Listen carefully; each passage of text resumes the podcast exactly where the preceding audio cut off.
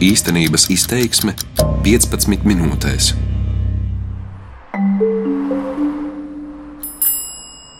Katru rītu braucu uz darbu ar velosipēdu. Gaisa kvalitātes prognožu kartē Rīga Air Text Mans maršruts parasti ir zaļā vai dzeltenā krāsā. Tas nozīmē laba vai vidēja. Tomēr stāvot rītos pie luksafora, brīnos, cik ļoti šo ziemu te centrā smird.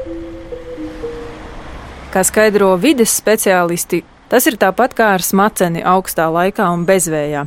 To rada apkure un automašīnu izplūdes gāzes.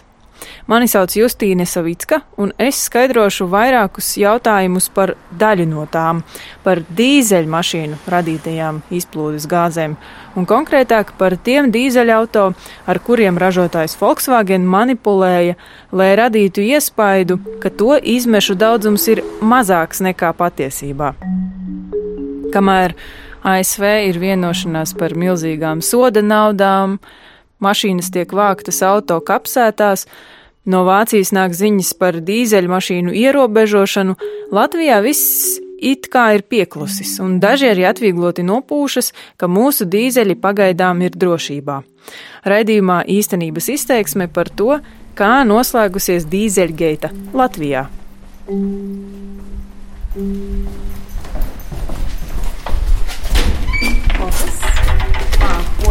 Ir balts. Dace Akule rāda uz savu Škoda Jetī. À. Uz auto vairākās vietās rakstīts Green Line - zaļā līnija. Lai cik ironiski tas arī nebūtu, arī šī mašīna ir viena no krāpšanās lietā iesaistītajām. Es uh, meklēju auto, lai es varētu aizbraukt uz dzimtas īpašumu laukos. Man tur ir uh, pēdējie gabali, kaut kāds kilometrs jābrauc ar uh, kā bezceļu situācijā, kad ir pļavas un lauki. Es ar zemāku auto tur nemaz tā īsti galā netieku. Nu, lūk, un tad es meklēju uh, tos piedāvājumus un tieši uzķēros uz šo, jo man, uh, nu, tā kā ilgtspējīgi dzīvot un zaļāk dzīvot vienmēr ir interesējis, un, un uh, man likās ļoti simpātisks uh, tas piedāvājums, ka ir zemāk CO2 izmeši, zemāks arī dīzeļu patēriņš, un ka viņš tik un tā ir tas augstais auto, kas ļauj man aizbraukt līdz tam dzimtas uh, īpašumam ar visiem celtniecības un citiem materiāliem, kas tur vajadzīgi vienmēr, jo tur tiek tas viss pamazām atjaunot plānots. Nu, lūk, protams, tad, kad kādus piecus gadus vēlāk nāca šī interesantā informācija, ka es tāpat kā daudz citi cilvēki pasaulē esmu piemānīta, tad nebija baigi foršā sajūta. Krāpšanās ar izmešu rādītājiem notika aptuveni šādi. Programmatūra mašīnai lika atpazīt, ka tā tiek testēta laboratorijā. Izmešu kontrolas sistēma darbojās, un visi rādītāji bija normas robežās.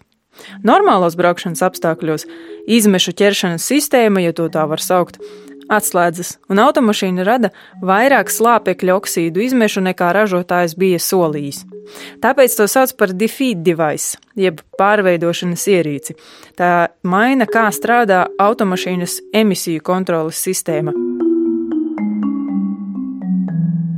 Pirmais jautājums - cik tādu mašīnu ir Latvijā? Ja mēs runājam jau par konkrētiem skaitļiem, tad, protams, ka visvairāk dominē Volkswagen grupas automobīļi. Tas ir Jānis Liepiņš, CSDD transporta līdzekļu kontroles un certifikācijas inspekcijas priekšnieks. Un tie Latvijā uz februāra mēnesi bija apmēram 8000 automobīļi, kuriem ir konstatētas neatbilstības.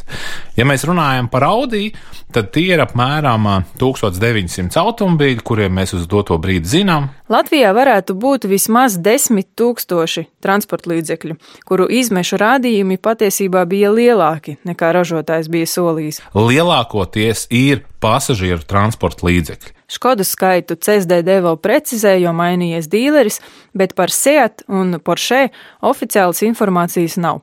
Tātad visdrīzāk ietekmēto mašīnu vēlāk būs vairāk. Nu jā, uh... Nepārāk patīkami dzirdēt tādu atbildi, ka viennozīmīgi nevar uh, pateikt šo te skaitu. Tāpēc, uh, kā uz doto brīdi, uh, piemēram, uh, Vācija vēl joprojām vērtē daudzus modeļus, Katrs aizdomīgais modelis ir jātestē, laboratoriju Eiropā esot maz, un tad vēl ir jāizdomā, kā to vērst par labu, nekaitējot pārējiem autoparametriem. Jo pie mums, tāpat kā citur Eiropā, preci, kas ir neatbilstoša līgumam, vispirms mēģina salabot vai apmainīt. Un kā apstiprina Jānis Liepiņš no CSDD? Uz doto brīdi CSDD rīcībā nav informācijas, ka būtu konstatēts kāds tāds automobilis, kuram ar papildus, protams, kaut kādām darbībām nevarētu novērst šo neatbilstību. Nākamais jautājums. Kā notiek labošana un cik auto īpašnieku to jau ir izdarījuši? Es, protams, tur arī intereses pēc paskatījos, ko nu, citās pasaules malās cilvēki domā, dara vai arī kādu piedāvājumu nāk no auto pārdevējiem, ražotājiem atsauc mašīnas vai tur li dod liels kompensācijas vai vispār neko nedara. No Eiropā, nu tā kā vairāk vispār neko nedara tajā laikā, jā. Ja? Dace Akule sava auto labošanu gaidīja gadu. Katru reizi, kad devās uz servisu, jautāja, kad to beidzot varēs izdarīt. Nē, nē, vēl nav, vēl nav. Nu, tad pagājušā gadā rudenī um, bija šī ziņa, ka tagad varot ienākt tie auto, lai labotu to, kas tur iepriekš bija samanipulēts. Pats labošanas process gan ir ātrs. Dācis Akulis Škodai kopā ar citām servisa lietām vajadzēja pusstundu stundu. Kā stāsta Ints Valainis, Volkswagen pēcpārdošanas vadītājs Baltijas valstīs, tā ir arī citiem, jo lielākoties tiek atjaunināta programmatūra. Otrs variants ir ļoti mazam skaitam uh, modeļu ar, ar 1.6 dīzeļu dzinēju, kam ir šis viens neliels plasmasas detaļa tiek nomainīta. Ja kur tā detaļa, kur viņi tur viņu? Detaļa pie dzinēja, pie, pie gaisa ieplūdes. Es arī apvaicājos, tad, kad tas servis tika veikts, ka daudz cilvēku nemaz to negrib. Viņi, viņi, viņus tos neuztrauc. Tas auto iet, viņi nepamana tās izmaiņas. Un, un es arī, protams, nepamanu. Ja? Es tik uzticos, ka man tagad ir certifikāts, ka kā automašīnai viss tagad kārtībā, tā kā viņai bija jābūt, tad, kad es viņu nopirku. Cik no tiem cilvēkiem vai no tiem īpašniekiem, kuri saņēma to uzaicinājumu, jūs varat nākt, patiešām arī atnāca un atveda to savu auto? Kā kuram ražotājam, bet vidēji starp 50 un, un, un, un 70 procentiem. 50 it kā baigi maz, tikai puse. Uh, nu jā, mums ir jāsaprot tā otra arī puse, kad uh, ražotāja pārstāve Latvijā nevar vienlaicīgi visus uzņemt. Ir jāņem vērā, protams, arī to, ka uh, ne visi, teiksim, uh, īpašnieki ir sasniedzami. Tas jautājums ir daudzās nezinu, institūcijās diskutēts par to, vai piespiedu kārtā to varētu darīt un nevarētu. Tas jautājums vēl ir atklāts, nav pieņemts gala lēmums, bet šī ir tā stadija, kurā viennozīmīgi es varu teikt, tas ir auto vadītāja brīvprātīgā atbildība. Ints Valainis, Volkswagen pēcpārdošanas vadītājs Baltijas valstīs, ir pārliecināts, ka ne visi īpašnieki ieradīsies salabot savu automašīnu. Jums šķiet, ka būtu labāk, ja tas būtu obligāti? Nu, no, no tāda, kā teikt, teorētiskā viedokļa, protams, ka tas būtu labāk, ja, bet uh, ņemot vērā atkal šo mašīnu stāvokli un mašīnu vecumu vispār kāds ir uh, pie mums, ja tas šis chip tunings vai šie, šie ir viena daļa tādā stāvoklī, ka viņām šie ierobežojumi ja, vai, vai, vai, vai sistēmas, viņas tiek vienkārši atprogrammētas nost, un viņi brauc visi kūpoši, ja, ja mēs pieņemtu kā obligātu šo pasākumu, ja, tad vienkārši daudzas mašīnas uh, vienkārši nevarētu iziet šo tehnisko apskatu, ja, un viņām būtu jāveic pietiekami naudietilpīgi remonti, ja, lai viņas vispār atbilstu kaut kādām normām. Nākamais jautājums. Vai atlīdzinājums patērētājiem un valstī ir pietiekams, un vai tāds vispār ir? Bet, protams, tas, nu, tajā pasaules kontekstā tas piedāvājums par 25 eiro nākamreiz pie servisa samazināt rēķinu izskatās ļoti tāds, nu, neliels Kopā ar certifikātu, kas apstiprina, ka viņas auto tagad ir tāds, kādu pērkot viņai solīja, Dace Akula saņēma 25 eiro atlaidi nākamajam Škodas servisa apmeklējumam. cik viņa dārgāk ir nekā tā, tā kā parastā mašīna? Nu, ja es pareizi atceros, bija pa kādiem 3000 runa. Mm -hmm. Nu, sanāk, nu, ne tikai es esmu o, tā apmānīta, bet nu, arī valstis jau arī maksāja mazākas nodokļus o, par to, ka man ir o, zaļāks auto nekā citi auto. Tāpēc o, man, interes, man būtu interesanti saprast arī, kā, kā ar valstī šis autoražotājs vai autoražotāja grupa šo problēmu risina, ja, jo nav jau tikai tas individuālais auto lietotājs o, ir iesaistīts tajā visā un apmānīts un solīts ir viens un, un izdarīts ir kaut kas cits. Kopš 2017. gada tā sauktais ceļa, jeb transporta līdzekļa eksploatācijas nodoklis jaunu reģistrētām mašīnām ir piesaistīts CO2, oglekļa dioksīda izmešu daudzumam.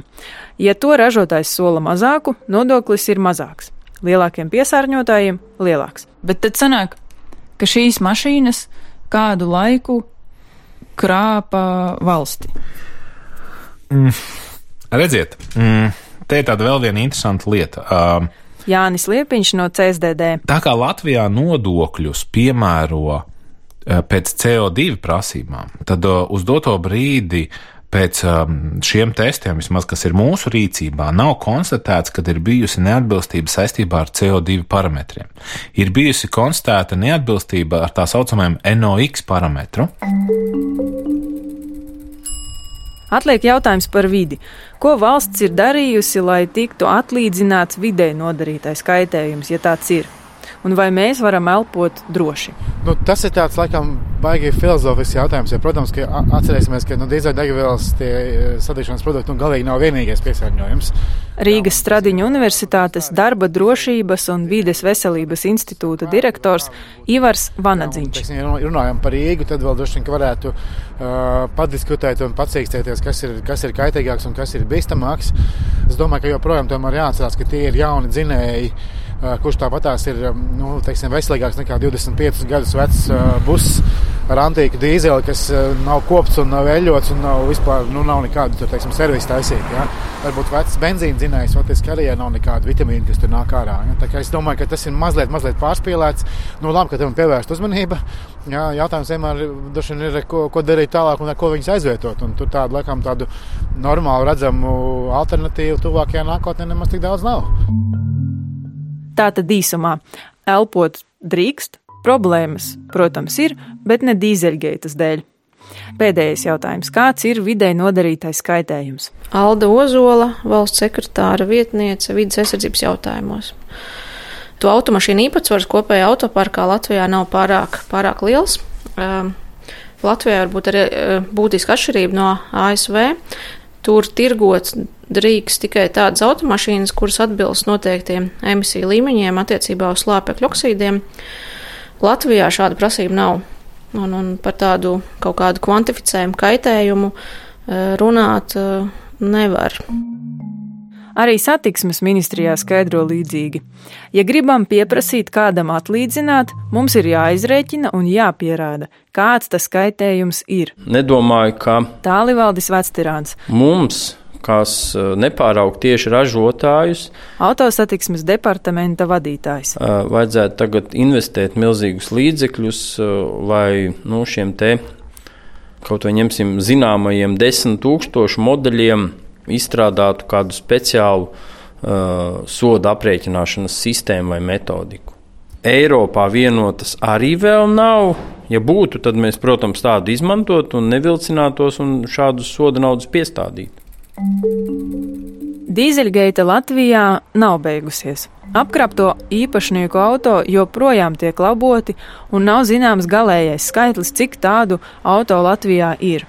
Ja runājam par nošmauktajiem nodokļu ieņēmumiem, tādu nav, bet vidē nodarīto kaitējumu nerēķina, jo tas nav viegli izdarāms izmantojot normatīvos aktus, un otrkārt, tas nesot izdevīgi. Latvija ir par mazu, lai tam tērētu tik daudz resursu.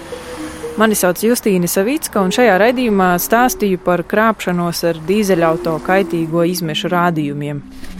Jūs ticat tam, ka nu, tā mašīna tagad, tagad viss kārtībā? Man, ja es sāktu iet paranoijā, ka es nevaru uzticēties uh, vispār nevienam, tad jau es arī nevaru uzticēties, ka tā mašīna vispār var iet. Nu, man vienkārši atliek ticēt. Īstenības izteiksme 15 minūtēs.